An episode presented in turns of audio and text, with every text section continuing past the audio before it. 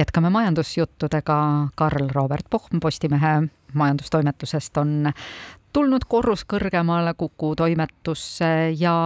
hetkel ei ole mõtet pesu pesema panna, sest elektri hind on suhteliselt kõrgel tasemel, võiks seda teha siis eeloleval ööl, aga seekord me elektrist ei räägigi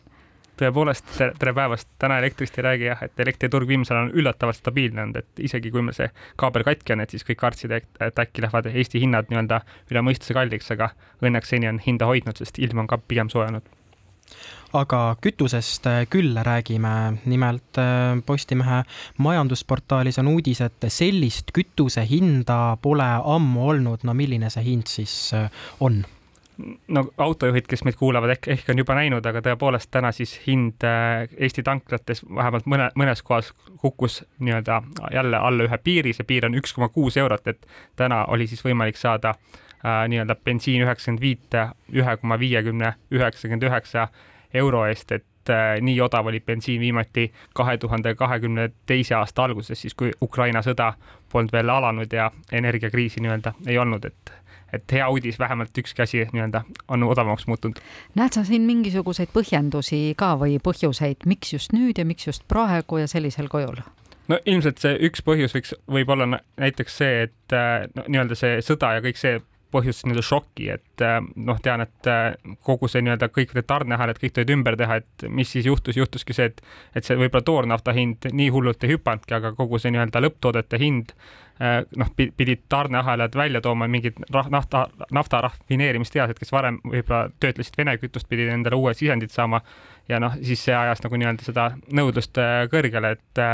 aga mis ma siin arvutasin, oli see, et äh, näiteks kaks tuhat kakskümmend kaks, no ütlesin, et äh, viimati oli nii odav, oli hind kaks tuhat kakskümmend kaks alguses, aga viimane hinnarekord pärineb ka kahe tuhande kahekümne teisest aastast, et, et siis äh, mäletatavasti noh, peale Ukraina sõda hakkasid äh, kütusehinnad väga kiiresti kerima ja kerisid sinna kahe koma kahe, mina leidsin sellise hinna nagu kaks koma kaks viis üheksa ehk üle poole euro, peaaegu kuus, äh, null koma kuus senti on praegu hind odavam ja kui ma tegin näppude peal siin enne saatesse tulekut kiire arvutuse, et kui näiteks selline võib-olla suurem autokasutaja sõidab aastas selline äh, kakskümmend viis tuhat kilomeetrit äh, või, või ütleme, et ta keskmine kütusekilo on mingi seitse liitrit sajal, et siis ta tänu sellele, et hind on nüüd peaaegu null koma kuus senti odavam, võidab selline aastas peaaegu tuhat eurot, et et ma ei tea, võrreldes automaksuga isegi päris kõva kokkuhoid, et, äh, et ütleme, et see nii-öelda auto omamiskulu ikkagi päris kõvasti see nii-öelda madal hind praegu mõjutab kõige parem kokkuhoid on loomulikult üleüldse mitte sõita, nii nagu ka elektrit üldse mitte tarbida, et see, kui on odav kütus, ei tähenda seda, et minge nüüd tehke suvalisi tühisõite. just, just, et äh, aga noh, mõnes mõttes ikkagi nagu aitab kompenseerida, et meil siin auto, automaksust on ju palju juttu olnud ja et kui, kui hulluks nüüd elu läheb, aga vähemalt see kütus aitab nii-öelda seda tasandada, aga noh, tõe, tõepoolest siin tuleb ära märkida, et need, kes võib-olla sõidavad vähem, et neid see nii palju ei mõjuta, et see nagu taandub nii-öelda rohkem välja nendel inimestel, kes tõepoolest nagu palju autot kasutavad mm. -hmm aga teistel teemadel ka räägime Teliast ja Telia on juba siis. vererõhk tõusis. ja juba inimestel kujutan ette jah, et vererõhk võis tõusta ja miks siis need televisiooni ja koduinterneti pakettide hinnad niivõrd kõrged on tuleb välja, et meisterkoka telesaate tootmine on niivõrd kulukas, et see ajab siis muud hinnad kõrgeks. no päris kummaline põhjendus no tõepoolest, see Telia hinnapoliitika on siin, ma ütleks, viimaste, viimase kahe nädala võib-olla kõige kuumem teema üldse, et lugejate huvi võib-olla isegi natuke üllatavalt on ülikõrge sellele, et me ei mäletagi ammu sellist teemat, mis oleks nii palju kirgi kütnud ja me saame väga palju meile, kurja meili inimestelt, kes saadavad oma, oma pakkumisi ja kuidas Telia jälle neil hinda tõstab ja mitte ainult Telia, vaid ka teiste telkode kohta ja inimesed on väga pahased, et äh, miks nii ja miks naa ja, ja põhiasi, mida ette heidetakse, on see, et äh, Telia nii-öelda ja teised telkod toovad hinna põhjust, põhjendustena nagu välja asju, mida inimesed ei vaja, noh näiteks, et kui inimesel tarbib äh, mobiilset internetti näiteks kaks gigabaiti, et siis noh, tema pakett oli seni viis, nüüd tõstetakse kümne peale, aga kui inimene tarbib ainult kaks, et siis tal pole vahet, et see viie pealt nagu kümne peale tõstetakse ja nüüd täpselt sama asi, et Telia tõepoolest äh, tõstab ka nii-öelda teleteenuse hinda ja põhjendab seda sellega, et neil on see kanal Telia Inspire ja seal on nagu häid kvaliteetsaateid, et see Koka saada ja siis mingid spordiülekanded ja näiteks ma ei tea, Juki-Stardi kontserdid näitasid selle eelmisel aastal. aga noh, jälle inimesed on pahased, et need, kes ei ole harjunud seda Inspiret vaatama, et miks nemad peavad äh, maksma selle eest, kanali eest nagu rohkem, mida nad ei vaata vaate, et noh, et äh, nii-öelda see etteheide, mis telkodele tehakse, on praegu see, et et äh, nii-öelda valikut on liiga vähe, et inimesed tahaks nagu rohkem personaalsemalt oma paketti, et tahetakse nii-öelda lüüa kõigile nagu ühe, ühe mütsiga ja, ja võimalikult liiga vähe sellist personaliseerimise võimalust pakkuda. ei tea, kui palju on neid inimesi, kes mõtlevad, et küll on tore, et see hind tõusis, et vähemasti toodetakse head telesisu? No kes ikka rohkem maksta tahab, aga eks see tegelikult mõnes mõttes on ka sellest telkodest nagu aru saada, et äh, noh te, tehnoloogia on liikumas sinna, et ju varem tuli nagu kaabeltuppe, ainuke variant nagu tele, televiisorit vaadata oligi see, et sul lihtsalt tuli see kaabel ja siis sa vaatasid sealt, kas sul oli kunagi Starman või siis Telia või, või ka STV on ju, et aga noh, nüüd on nagu üle interneti lahendused ja no ma tean, mul näiteks endal ei olegi enam kaablipõhist, kaablipõhist nagu tele, teleteenust, et äh, noh, tuleb nagu öelda äpi kaudu üle õhu ja ja, ja justkui nagu ma olen nagu sõltumatu, et enam ei peagi nagu Teliast ja ja Elisast nii palju sõltuma, et seal on ka alternatiivseid teenu, teenusepakkujaid ja noh, miks telkod nii-öelda tahavad järjest rohkem nii-öelda sinna teleteenuste turule siseneda, ongi see, et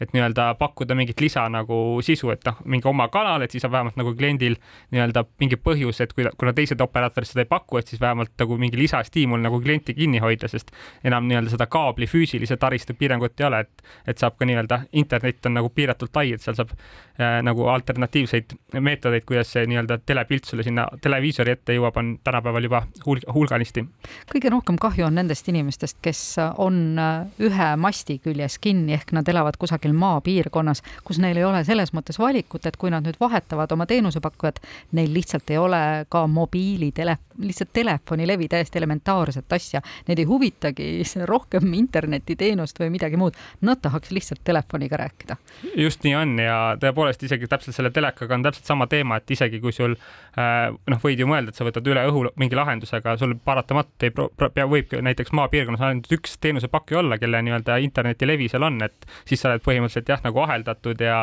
ja, ja väga raske on ka nagu nii-öelda hinna läbirääkimisi pidada, et mis siin võib-olla oluline mainida, on see, et kui meie oleme ka nagu seda teemat siin käsitlenud, et siis väga palju tuleb sellist tagasisidet, et Eesti Telekomi turg on ikkagi selline, et hea hinna saad alles siis, kui sa ähvardad nagu ära minna, et ja seda nagu massiliselt, et äh, nii-öelda see telekomi operaatorid ja see kehtib kõigi kohta nagu nii-öelda see baashind on nagu päris krõbe, aga kui sa nagu lähed, ütled, et sa lähed minema, et sa said konkurendilt palju parema pakkumise, et no siis võib see hind nagu, nagu väga palju alla tulla ja me oleme lugenud, vähemalt lugejad väidavad meile, et isegi rohkem kui kaks korda võib see hind nagu soodsamaks minna, et võib-olla ka kõigile nii-öelda tarbijasoovitused, kes oma internetipaketiga või mingi paketiga rahul ei ole ja, ja tahaks äh, nii-öelda hinda kuidagi soodsamaks saama, et siis uurida konkurentidelt ka, aga tõepoolest seal on nagu see takistus, et või nagu see, et siis sul peab ka olema nii-öelda taristu, et sul oleks üldse võimalik nii-öelda konkurendi